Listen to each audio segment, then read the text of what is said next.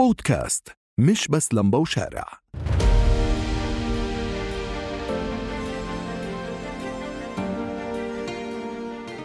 عمركم شفتوا صور النفايات المعبية المحيطات؟ غالبا بتكون صور بتبعها كتير من التعليقات الحزينة على ما وصلنا له كبشر وكيف منتعامل مع بيئتنا طب ليه نروح لبعيد؟ وأنتم ماشيين بالطريق عمركم لاحظتوا كمية النفايات الموجودة على الأرصفة؟ ورق وعلب عصير كراتين زجاج وغير هالكتير من النفايات. طيب سألتوا حالكم إحنا شو بنقدر نعمل بهذا الخصوص وهل ممكن تكون هاي النفايات مصدر دخل إلنا؟ النمو السكاني والتغيير في نمط معيشتنا أدى إلى ازدياد كبير في النفايات. وولد هذا الازدياد ضغوط متعددة على أنظمة إدارة النفايات الصلبة اللي بتقوم فيها الحكومات بكل أنحاء العالم. لهيك أصبح هناك حاجة لتحول نموذجي من التفكير في النفايات كشيء يجب التخلص منه إلى مورد يمكن استخدامه. هذا الموضوع رح نناقشه في حلقة اليوم من بودكاست مش بس لمبة وشارع.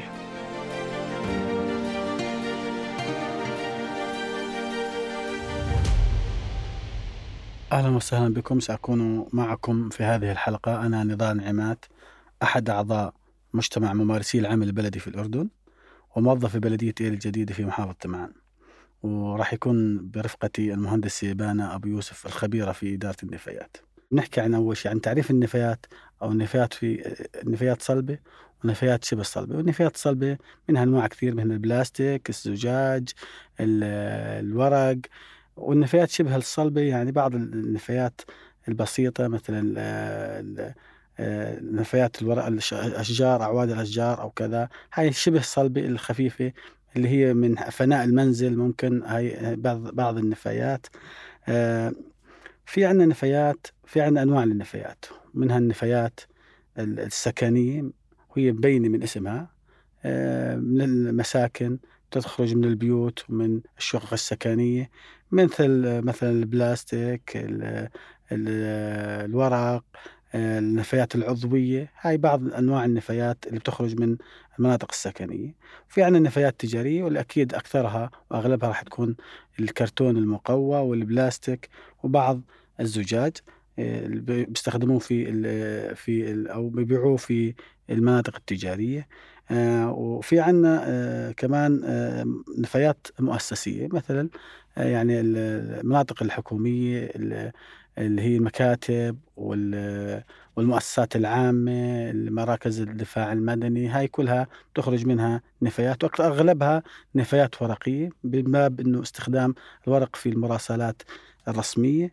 وفي عنا النفايات الزراعية وهي نفايات خطيئة ونفايات المناطق المفتوحة وبعض وبعض أنواع النفايات الصناعية اللي هي النفايات الخطرة بعض بعض بعض منها خطره لانها تستخدم فيها المواد الكيماوية طبعا النفايات الطبية هاي مش اختصاص البلديات لا تعتبر نفايات بلدية لأنها من اختصاص وزارة الصحة وهي مسؤولة عن مسؤولة عنها مسؤولة عن جمع هاي النفايات. طبعا لإدارة النفايات الصلبة في لها أهمية وفي لها أهمية وبعض مشاكل هاي النفايات في لها مشاكل ولها أهمية وفيها لها حلول لبعض هاي المشاكل. إيش رأيكم نسمع المهندس سيبانا أبو يوسف خبيرة إدارة النفايات عن أهمية إدارة النفايات والمشاكل اللي اللي بتواجه البلديات؟ مرحبا نضال. أهلا وسهلا. تمام رح نبلش إذا نحكي بالمشاكل اللي عم بت... بتعملها النفايات الصلبة. وبعدها رح نحكي عن إيش هي إدارة النفايات الصلبة، أكيد لازم نعرف إيش هي إدارة النفايات الصلبة قبل ما نحكي عن أهمية إدارة النفايات الصلبة وين إجت الحاجة لإدارة النفايات الصلبة.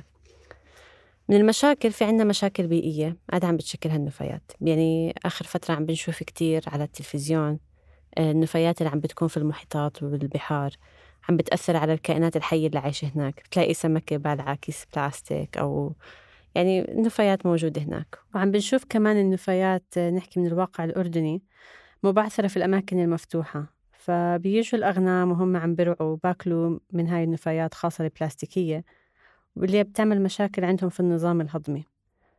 فهذا الإشي عم بيأثر عنا أو بيعمل اختلال في ال- النظام بشكل عام. من المشاكل التانية البيئية آه، كلنا بنعرفها عم بتلوث عنا المياه الجوفية بسبب العصارة اللي بتنتج من النفايات أثناء تحللها أو ضغطها جمعها والتخلص النهائي منها. عم بتأثر عنا كمان على البيئة على عفوا على الهواء على التربة والعناصر المختلفة للبيئة. فعملت لنا كتير مشاكل بيئية النفايات الصلبة. فهون بلشت نفكر طب أوكي نحن لازم ندير هاي النفايات. مش لازم نخليها توصل للمكب مش لازم نخليها تأثر على المحيطات على المناطق المفتوحة. طلعنا بموضوع إدارة النفايات الصلبة. فهي إيش إدارة النفايات الصلبة؟ وراح أحكي هون من منظور آه، بلدي بما أن نحن عم نحكي عن القطاع البلدي.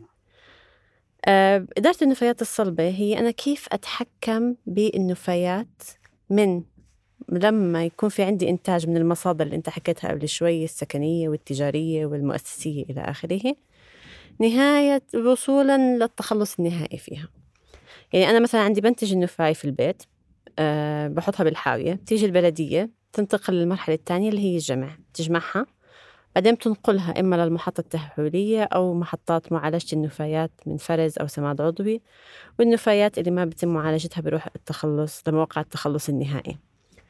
فأثناء هاي المراحل كلها بيكون في عندي جوانب متعددة كمان قاعدة عم تلعب دور اللي إلها دور في إدارة النفايات الصلبة. طب أنا لما قاعدة عم بجمع النفايات وبنقلها وبوديها وبتخلص منها في عندي مصاري قاعدة عم بتكلفني يعني. صحيح في تكلفة مالية على الموضوع. بالضبط وهذا عم بحط آه، حمل على البلديات.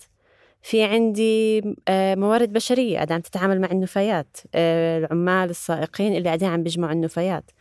فعندي موضوع الصحة والسلامة المهنية لازم أطلع عليه. في عندي مجتمع المحلي هو اللي عم بينتج لي النفايات وهو اللي مثلا عم هو السبب إنه النفايات قاعدة عم بتكون في المحيطات أو عم بتكون في الأماكن المفتوحة. فهون عم نحكي عن الجانب الاجتماعي ودور المجتمع المحلي فيها.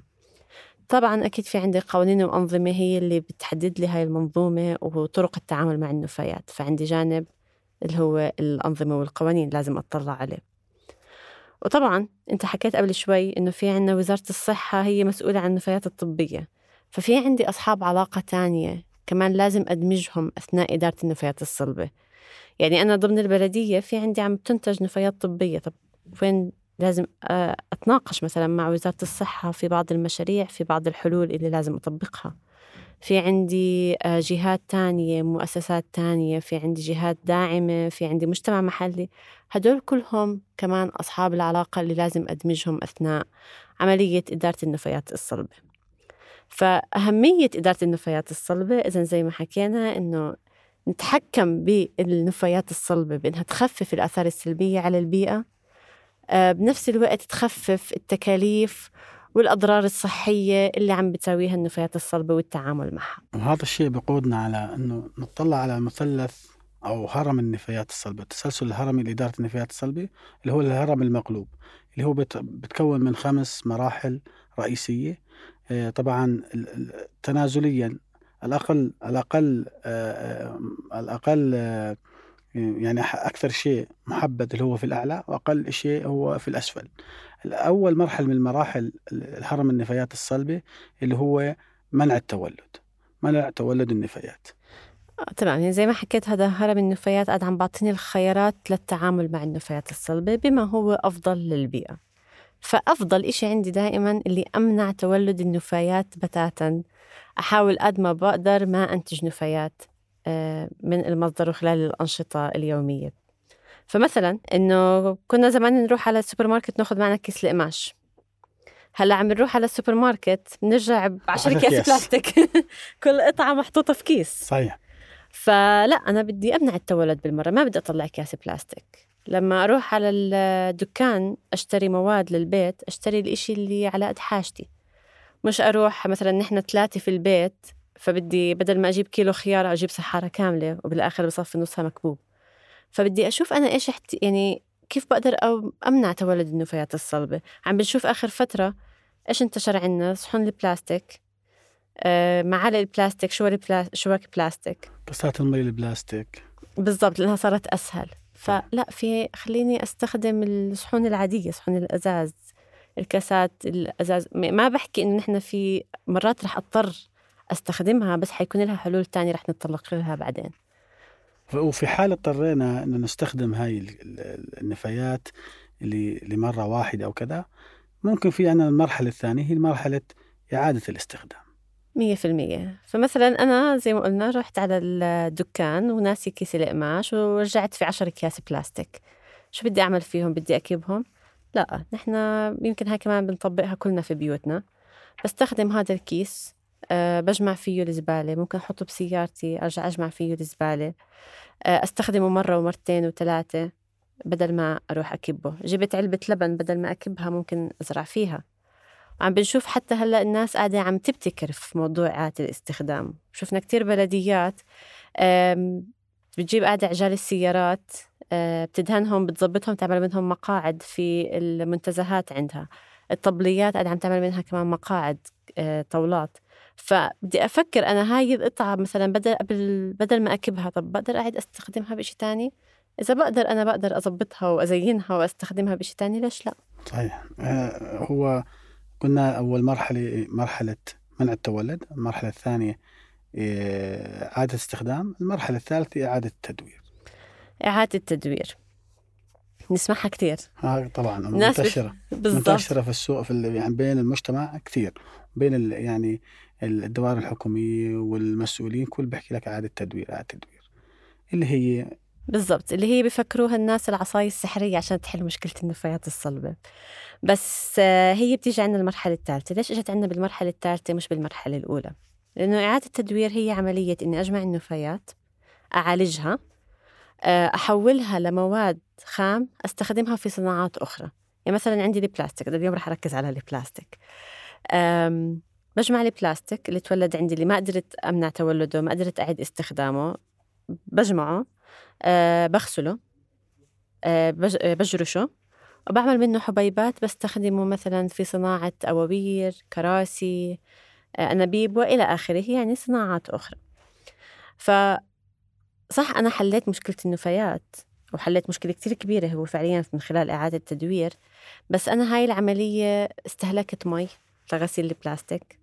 استهلكت طاقة سواء لجرشها أو الصناعات الأخرى. فهاي الاستخدامات كلها إلها آثار سلبية على البيئة. ما عم بحكي آه، آثار كبيرة. آه، أكيد أخف بلا من إنه النفايات اللي عم بتروح على مواقع أنا أتخلص. منها نهائي. آه. المرحلة الرابعة واللي هي مرحلة عمليات الاسترداد الأخرى. اللي هون هاي المرحلة عم تحكي لنا كيف مثلا أنتج طاقة من النفايات. وهاي المرحلة كمان نفس الإشي بدها مرحلة معقدة مش مرحلة مرحلة سهلة زي ما نحن مفكرين. آه، بحاجة لخبرات بحاجة لموارد بحاجة لمكان أعمل فيها هاي المحطات. فعشان هيك بتيجي عنا كمرحلة رابعة. والمرحلة الأخيرة والمرحلة غير مفضلة اللي هي التخلص النهائي من النفايات واللي هي في المكبات بالعادة هاي هي المرحلة اللي عندي بتوصل النفايات أنا ما فيش عندي ولا خيار آخر. بالضبط. مثلا زي عنا مثلا نحكي كيس الشبس مثلا. لا بقدر أعيد استخدامه ولا بقدر آه، أعيد تدويره ولا بقدر أسترده. فإيش ممكن؟ هذا بصفي رايح على المكب. للأسف هاي يعني كتير نفايات حاليا قاعدة عم توصل للمكب عنا عشان مثلا ما في عنا إعادة تدوير إعادة الاستخدام الناس بطلت تطبقها زي زمان. فهاي المرحلة حتى هلأ في على المستوى العالمي نحكي. بطل الموضوع يتطلعوا أصلا إنه هذا الخيار موجود. صاروا الشركات لما تصنع موادها تشوف كيف ممكن تصنع مواد إنه أضلني أقدر أعيد استخدامها أو أعيد تدويرها أو حتى مثلا تمنع عندي التولد. فهاي المرحلة دائما أقل تفضيلا وبنفضل دائما نتجنبها. هو يعني من المجتمع يعني هو الآن صار الخيار الأول عند كل يعني عند معظم المجتمع أنه التخلص النهائي مباشرة بكب إزباء نفاياته في في الحاوية وصار عندنا زي ثقافة مجتمعية أنه التخلص أول مرحلة صارت من المراحل في بعض جهود للأسف. آه في بعض جهود في المجتمع يعني إن شاء الله أنه تتطور. هذا الشيء بقودنا لشيء آخر اللي هو واجب البلديات ككوادر وكمؤسسة. إيش واجبها؟ وإيش هي؟ إيش بتقدر تعمل مشان تعمل إدارة فعالة لإدارة النفايات الصلبة. بودكاست مش بس لمبة وشارع. هلأ خلينا نحكي أول إشي بدور البلدية وين بيجي دورها في موضوع إدارة النفايات الصلبة؟ نحن حكينا قبل شوي عندنا مراحل مختلفة إنتاج جمع نقل آه، تخلص نهائي. فبتيجي البلدية بين مرحلة الجمع والنقل. في حالات آه، نادرة وين البلديات بتكون عندها محطات معالجة فرز أو إعادة تدوير أو سماد عضوي. وفي حالات كمان جدا قليلة البلدية بتكون قاعدة عم بتدير مكبات النفايات. فما رح أفوت أنا في هاي التفاصيل رح نركز أكتر على موضوع الجمع والنقل. ودورها طبعا البلدية إنها توعي المجتمع المحلي على تقليل إنتاج النفايات. فالبلدية دايما بتيجي بتحكي طب أنا من وين أبلش؟ أو شو أعمل؟ أول إشي البلدية لازم تحط خطة لإدارة النفايات الصلبة. عشان تعد هاي الخطة لازم تفهم الواقع عندها. لازم تكون عارفة أول إشي مثلا قديش كمية النفايات اللي بتنتجها. طب إيش تركيبتها؟ هاي النفايات. يكون عندها قاعدة بيانات في الموضوع. بالضبط. إشي كتير مهم إنها تعرف الوضع القائم عندها. تعرف إيش الموارد الموجودة عندها. تعرف إيش المشاكل. تحدد مشاكلها. آه بعدين لما تصفي عندها تصور رح تصير تقدر تطلع في حلول. وفي أفكار عشان تحل هاي المشاكل. فبتحط هنا البلدية خطة. طبعا هاي الخطة لازم تكون آه متوافقة مع الاستراتيجيات آه والخطط الإقليمية والوطنية. فبتحط هاي الخطة وبعدين بتبلش في تنفيذها. بدها تطلع مثلا على موضوع الجمع وهلأ يمكن بعدين نتطرق في الموضوع أكثر إنه أنا كيف ممكن إذا عندي مشكلة كيف ممكن أحلها؟ كيف أحكي مع المجتمع المحلي؟ أقلل إنتاج النفايات الصلبة أحكي لهم أو أعيدوا استخدام. فهون بيجي دور البلديات أكثر خاصة إن هم أكثر جهة بتتعامل مع المجتمع المحلي اللي هو بنتج عنا النفايات الصلبة. هو يعني مسؤول يعني بدرجة أولى عن إدارة النفايات الصلبة مع المجتمع المحلي. وهذا الشيء بقودنا وانت حكيت عن الخطة الوطنية بقودنا للأنظمة والتشريعات الموجودة في العمل البلدي. من ضمنها هاي الأنظمة شيء يتحكم أو يتحكم في إدارة النفايات الصلبة. إيش كبلديات إيش دورها في تطبيق هذه القوانين والأنظمة؟ بما يساعد يساعدنا على إدارة النفايات الصلبة. في عنا كتير قوانين وأنظمة بتلعب دور في منظومة إدارة النفايات الصلبة. لتعدد أصحاب العلاقة والجهات المختصة في هذا الموضوع. فرح أذكر بس أهم آه، قانون أو نظام آه، لهذا الموضوع.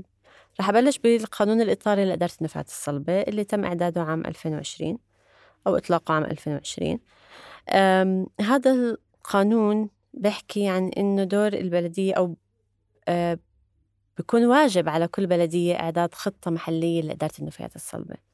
وبرضه هو حدد المسؤوليات لكل جهة لها دخل في في النفايات الصلبة. يعني دور البلدية؟ دور وزارة البيئة؟ دور وزارة الزراعة؟ دور وزارة الصحة؟ فالبلديات لازم تطلع على هذا القانون. أه تعرف الجهات المعنية في هذا الموضوع. والإشي الثاني اللي راح أحكي عنه اللي هو نظام منع المكاره ورسوم جمع النفايات في داخل المناطق البلدية. آه، أو عفوا داخل البلديات. هذا النظام عندنا حدد رسوم جمع النفايات من المناطق السكنية كل بلدية حسب فئتها. وحدد كمان إنه آه، طرق أخرى البلدية بتستوفي منها رسوم للتعامل مع النفايات اللي بتنتجها المنشآت داخل آه، داخل يعني حدودها. فهذا النظام كمان بنصح البلديات تطلع عليه والإشي اللي هلا تذكرته؟ إنه قبل فترة كنا عاملين تدريب للبلديات عن الجانب المالي لإدارة النفايات الصلبة. فلما سألنا إنه مين بيعرف هذا النظام 90% من الحضور ما كان بيعرفوه. فلازم يعرفوه لازم يطلعوا عليه. بعيدا عن الأنظمة والقوانين في عنا الاستراتيجية الوطنية لإدارة النفايات الصلبة اللي عدتها وزارة الإدارة المحلية عام 2015 آه، بتحكي عن الحلول والخيارات لتحسين خدمة إدارة النفايات الصلبة على المستوى الوطني. بعديها انبثق عنها خطط إقليمية لإقليم الشمال والوسط والجنوب. بالضبط. ومن هاي الخطط قاعدة عم تنبثق الخطط المحلية البلدية لإدارة النفايات الصلبة. فلازم البلديات تطلع على هاي الخطط والاستراتيجية عشان الحلول والمشاريع اللي عم تقترحها في خططها تكون متوافقة مع هاي الاستراتيجية. يعني حكيت لنا عن المشاكل بس ما حكيتلناش عن الحلول. إيش في حلول للمشاكل البيئية اللي إحنا بنواجهها كبلديات كمجتمع محلي؟ إيش نقدر إيش في حلول إيش في مشاريع ابتكارية موجودة على أرض الواقع نقدر نطبقها في البلديات ككل؟ سؤال كتير حلو. لأنه صراحة شفنا بلديات قاعدة عم تبدع في هذا الموضوع وبحب أحكي عن تجاربهم. في عنا آه، بلديات طبقت موضوع السماد العضوي في المنازل. هذا كان كمان إنه حلو إنه خفف آه، كمية النفايات اللي بتجمعها البلديات خفف من العبء اللي عليها. وبرضه أدمجوا المجتمع المحلي وكان في فائدة آه، مباشرة على المجتمع المحلي. هذا البلدية اشتغلت مع المجتمع المحلي على إنه النفايات أو جزء من النفايات العضوية اللي بينتجها المجتمع المحلي في في البيوت أو في حتى المزارع كيف ممكن ينتجوا منه سماد عضوي بيستخدموه في الزراعة. فهذا السماد العضوي كتير أهم من أو كتير أفضل من السماد الكيماوي اللي بيستخدموه. كفي إنه طبيعي مش بي مش كيماوي نعم. بالضبط مية في المية. أه بحفظ على الرطوبة في التربة بحسن التربة فبالتالي بنعكس على النبات وشوفنا قصص نجاح في البيوت كثير كويسة وقديش فرق عندها الزريعة قبل وبعد استخدام السماد العضوي؟ في بعضهم كأنه يعني اللي بعرف إنه بعضهم يعني صار ينتج ويبيع كمان كمان استفادة مالية لبعض المساكن. في في طبعا استفادات كثير صار من وراء موضوع السماد العضوي. هذا طبعا الحل. ليش أنا بحكي إنه مبتكر؟ لإنه نحن عادة البلديات كانت تفكر دائما في محطات السماد العضوي الكبيرة وفي عنا بلديات آه، صغيرة بعيدة عن بعض. فإنك تعمل أنت هيك مشروع ما بيكون مجدي. مفيش كميات نفايات عضوية كبيرة يعني. بالضبط. فهم لقوا حل بديل لإدماج المجتمع المحلي ويخففوا الكمية. من الأشياء الثانية اللي هي واجب البلديات جمع النفايات. نقلها والتخلص منها أو نقلها لمناطق التخلص النهائي. لما نرجع نحكي مع نجتمع مع البلديات هذا الموضوع عم بيشكل كتير عبء على البلديات عم بحط عبء مالي ووقت وجهد. وبنفس الوقت عندك المجتمع مو جاهز أو مو, مو راضي على الخدمة يعني بيجيهم كتير شكاوي على هذا الموضوع. فهون البلديات بلشت تفكر إنه طب شو السبب؟ أنا ليش عندي هاي التكاليف كلها؟ فبلشوا يحللوا بموضوع جمع النفايات والتكاليف اللي عم تنحط لهذا الموضوع. فاكتشفوا إنه المسارات اللي موجودة عندها اللي عم بيمشوا فيها السائقين مش المسارات المثلى. يعني المسار الأمثل هو المسار اللي بيكون عندي باخد مسافة أقل تكلفة أقل جهد أقل وقت أقل وبغطي أكبر مساحة ممكنة. بس هذا الإشي ما كان قاعد عم بصير ضمن البلديات. فصاروا يطوروا المسارات ويشوفوا إيش مثلا من نقطة ألف للنقطة باء كيف أمشيها بخط مستقيم بدل ما أكون ماشي زقزاق زي ما قاعدين. حاليا قاعدين عم بجمعوا أكثر وجهد أكثر. بالضبط. فحطوا المسارات المثلى. ونحن كمشروع ساعدنا البلديات في تحديث نظام إلكتروني لأنهم يصيروا يقدروا يتابعوا هاي العملية أو من الالتزام السائقين في المسارات اللي انرسمت لهم. عم بوصلوا المكب مش عم بوصلوا المكب عم بيشوفوا مثلا عم تجمع الحاويات مش عم تجمع الحاويات فصار في عنا إنه نظرة كاملة للعملية كلها.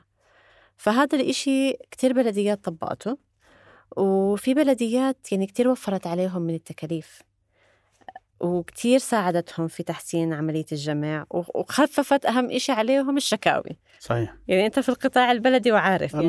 نسبة الرضا شوي يعني زادت شوي. بالضبط. فهاي واحدة من الحلول اللي طبقتها البلدية ممكن إذا إذا في بلدية معينة طبقت هذا الحل يعني تذكرين إياه؟ في عنا بلديتين صراحة اللي أبدعوا فيه بدي أحكي. بلدية أم البساتين وبلدية مؤاب. طبقوا هذا الحل. آه، كتير واجهوا تحديات صراحة في الأول. يعني دائما التغيير عندنا مو سهل. صعب صح. في البداية صعب. بالضبط. فبس إنهم ضلهم مصرين على الموضوع وتغلبوا على كل هاي التحديات وطبقوها ووفروا على حالهم مبلغ كمان كويس.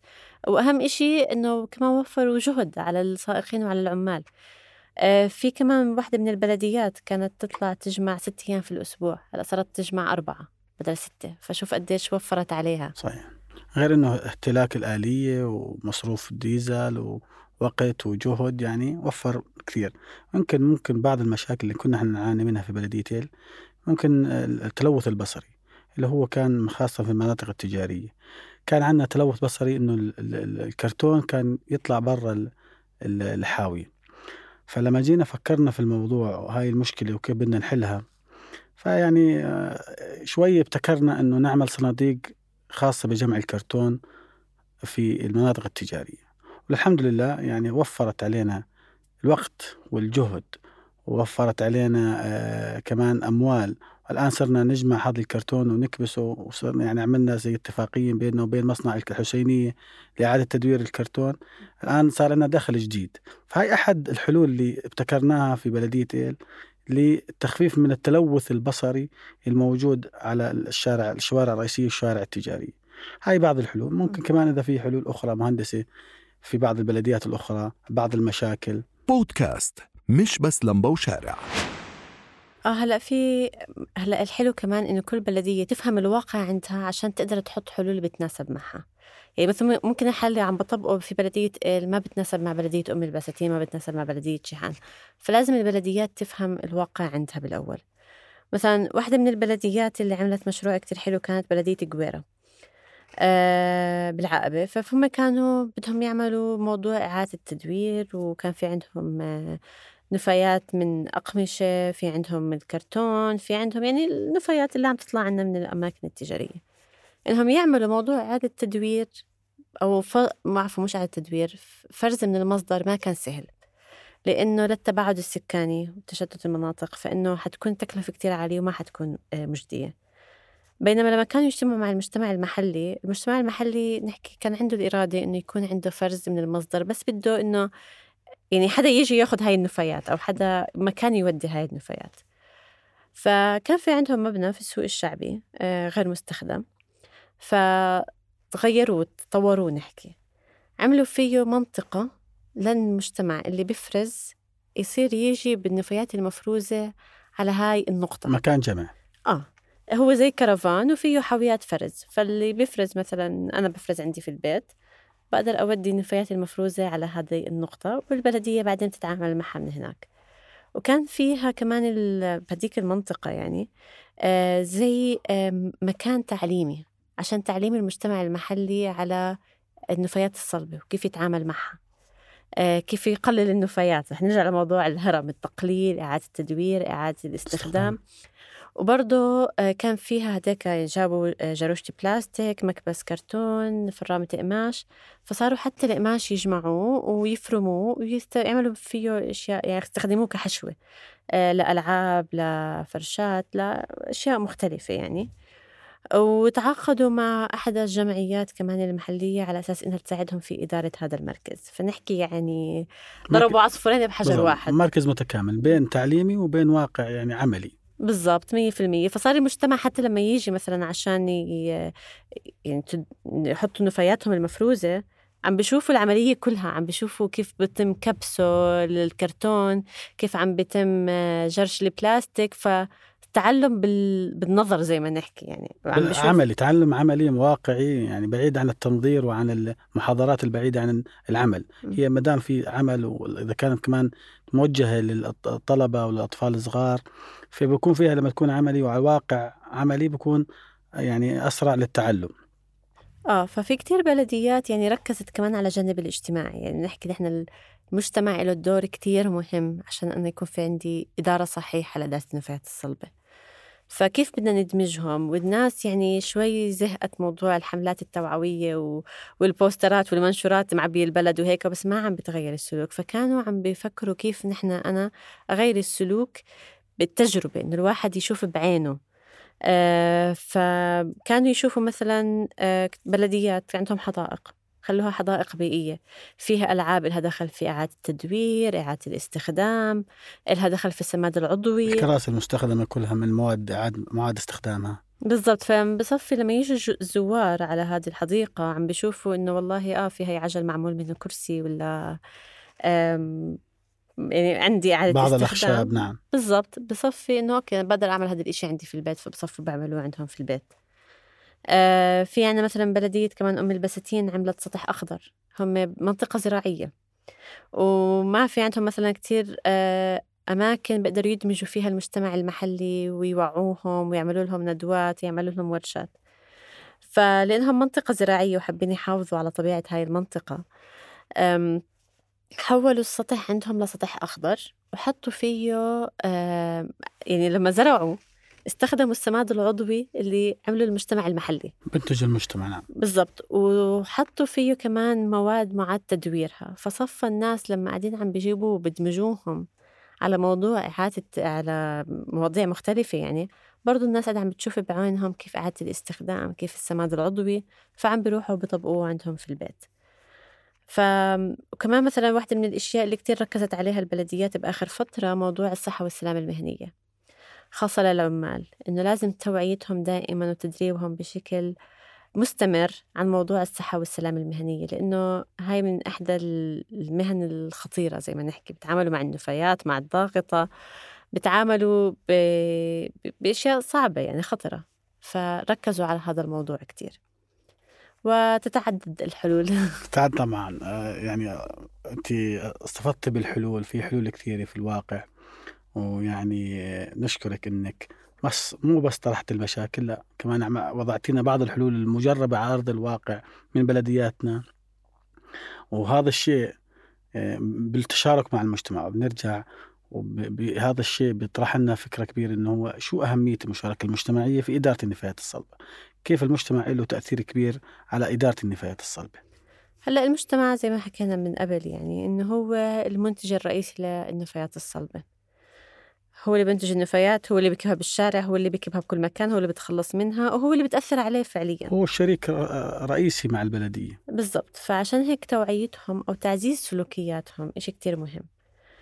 آه في بلديات قاعدة عم تتبع منهجية جديدة لتعزيز السلوك المجتمعي المستدام إنه دايما يتواصلوا معهم بشكل متواصل كيف يخلي المجتمع هو اللي يأثر على المجتمع لتغيير السلوكيات السلبية. أدمجه خليه يجي يتعلم بعينه زي ما فرجينا زي ما حكينا قبل شوي عفوا. إشي كتير مهم.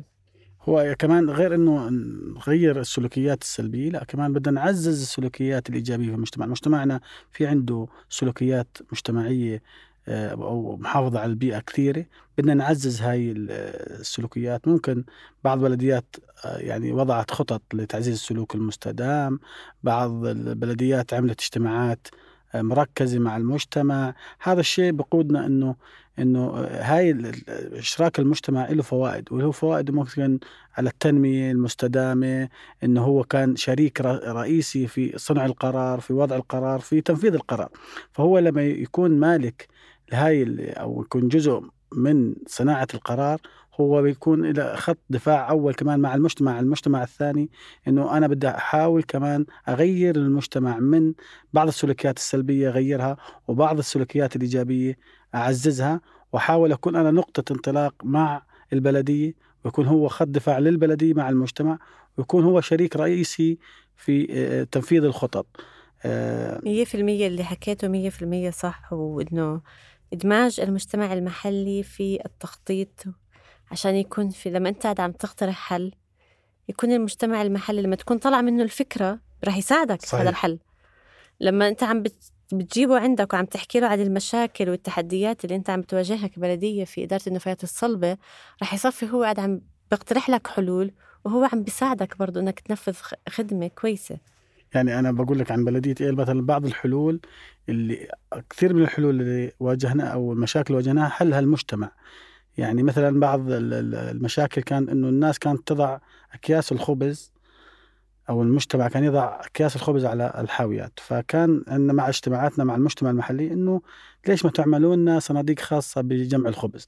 فهذا الشيء لما طلع من المجتمع نفسه المجتمع نفسه التزم معك كبلدية إنه يضع الخبز في مكانه المخصص بدل ما هو يضعه على جانب الحاوي يكون عندك تلوث بصري يكون عندنا كمان آه، تأثير على البيئة العامة الصحة العامة. لا صار هو يلتزم معنا إنه هو يضع الخبز في مكانه. فهذا الشيء يعني بشجع المجتمع إنه هو يشاركك في في وضع الحلول وشاركك كمان في إنجاح المبادرات. وبرفع الثقة بين البلدية والمجتمع المحلي. وفي قبل ما نختم في هيك توصيات؟ لازم نحكيها كمان صحيح. للبلديات آه، عشان تحسن خدمة إدارة النفايات الصلبة. واحدة من من أكبر التحديات اللي بتواجه أي حد بده يشتغل في القطاع اللي هو آه، ضعف توثيق البيانات. والبلديات فهذا عم بنعكس إنه البلدية مو فاهمة الواقع عندها في البلدية. يعني مثلا لما أروح أنا عند بلدية وصارت كتير بروح عند بلدية إكس بسألهم أنتم كم من ضاغطة عندكم؟ مأمور الحركة بعطي رقم الرئيس بعطي رقم المدير التنفيذي بعطي رقم ثالث. فيش قاعدة بيانات؟ ما في قاعدة بيانات. فتوثيق البيانات إشي كتير مهم وتحديثها مش بس أوثقها مرة وخلاص. اجى المشروع دعم البلديات بشتغل معاه بس يروح خلاص وقف الشغل كله. بالضبط. لا لازم يكون في عنا استدامة لازم دائما يكون في عنا توثيق للبيانات. وما أعتمد دائما على الجهات المانحة. يعني أنا كبلدية كيف أنا أطلع بحلول كيف أطلع بمشاريع كيف أشتغل مع بلديات تانية. هون بيجي كمان للتوصية الثانية اللي راح أحكي فيها إنه البلديات تشتغل مع بعض تتواصل مع بعض. يعني إحنا لاحظنا إنه في بلديات لما كانت قاعدة عم بتطور خططها آه، البلديات اللي جنب بعض كانوا يقعدوا مع بعض يجتمعوا يحكوا إنه نحن هيك هيك هيك عنا الأولوية مثلا أنتم هيك أولويتكم. فلما بدهم يطبقوا مشروع قاعد عم بخدم البلديتين يتعاونوا مع بعض.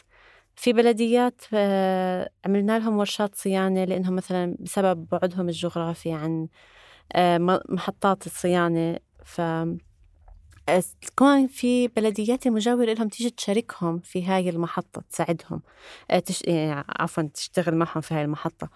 آه، فأهم إشي عنا البلديات تشتغل مع بعض تتواصل مع بعض تتعلم من بعض تشارك خبرات بعض. آه، تحديث الخطط البلدية بتحط خطة بتنساها.